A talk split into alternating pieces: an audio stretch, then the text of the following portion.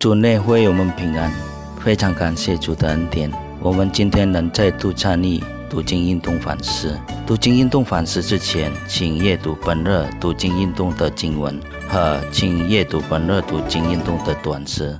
各位主所爱的弟兄姐妹，今天的读经运动是反思历代至上二十七章关于任务特殊的君王助手。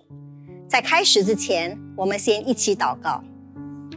天父上帝，过去一年中，感谢你为我们的生活带来一切，无论是美好或艰难的时刻，这一切都提醒我们必须每天仰望依靠你。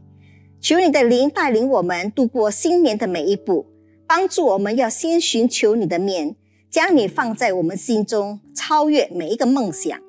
祈求你的智慧、力量和权柄永远存在我们的心中，使我们在未来的道路上。坚强而勇敢，超出我们所求所想，使用我们的一生，使人能因着我们的生命而被你吸引。这个时候，求你带领帮助我们学习你的话，奉耶稣基督名祷告，阿门。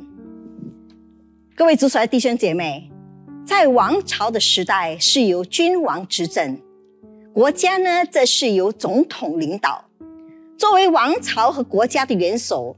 他们制定了政府的体制和宪法，因此需要相关各部门有很好的合作，从而体现政府所定下的指标。作为基督徒，我们知道基督是教会的头，也就是我们的头。保罗以人的身体来比作基督的身体，而身体都要连于元首基督。以身体不同的功能来教导信徒应当怎么样一起工作生活。身体的每一个部分都有它独特的功能，而这功能对于整个身体而言都是必须的。每部分的作用皆不一样，因此必须配搭运作。正如人的肢体在大脑的指挥下运作。信徒也当在基督的全能和指挥下一起工作。以弗所书第四章十六节说：“全身都靠他联络的合时，百界各按各职，照着个体的功能彼此相助，便叫身体渐渐增长，在爱中建立自己。”上帝赐给我们个人恩赐，好建立他的教会。我们必须知道，各样的恩赐和能力都是从上帝而来的，也要明白，并非每个人都有相同的恩赐，更要知道自己是谁，在哪一方面能够做得最好，并要奉献自己的恩赐来服侍上帝，而并非谋求个人的成功，并且不做任何的保留，要将恩赐全然的献上。我们不要与别人比较。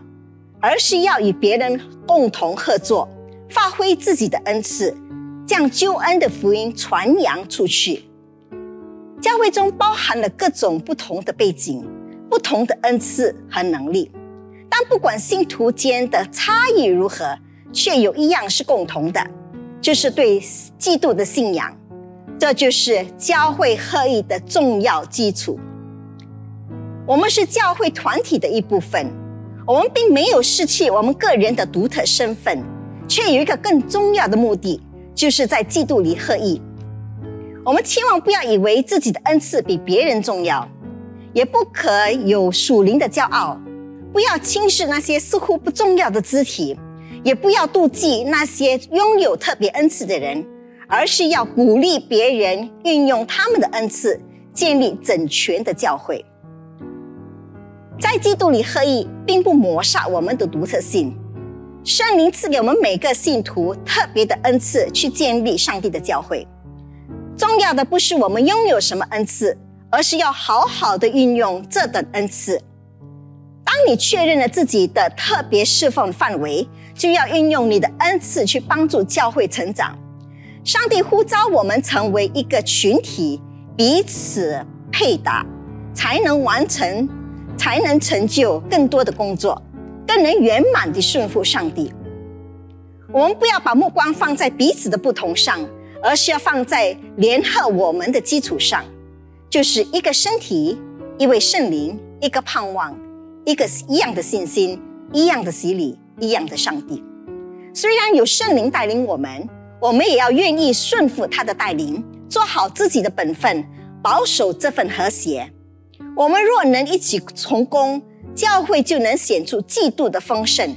让我们学习享受基督肢体彼此配合的美善吧。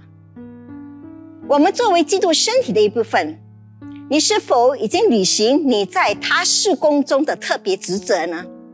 你是否继续的为政府、为民族和为教会祷告呢？但愿上帝帮助我们，让我们一起祷告。天父上帝，感谢你，使我们能够不断的学习你的话。接着你的训诲，过着谨慎和陶铸喜悦的生活。但愿我们作为基督的肢体，全身都靠他联络的合时，每个人都各按其职，照着各样的功能彼此相助，好让我们渐渐增长，在暗中建立自己，并顺服圣灵的带领，使用你所赐的独特恩赐和能力，做好自己的本分，强化整个基督的身体。感谢主。奉耶稣救名祷告，阿门。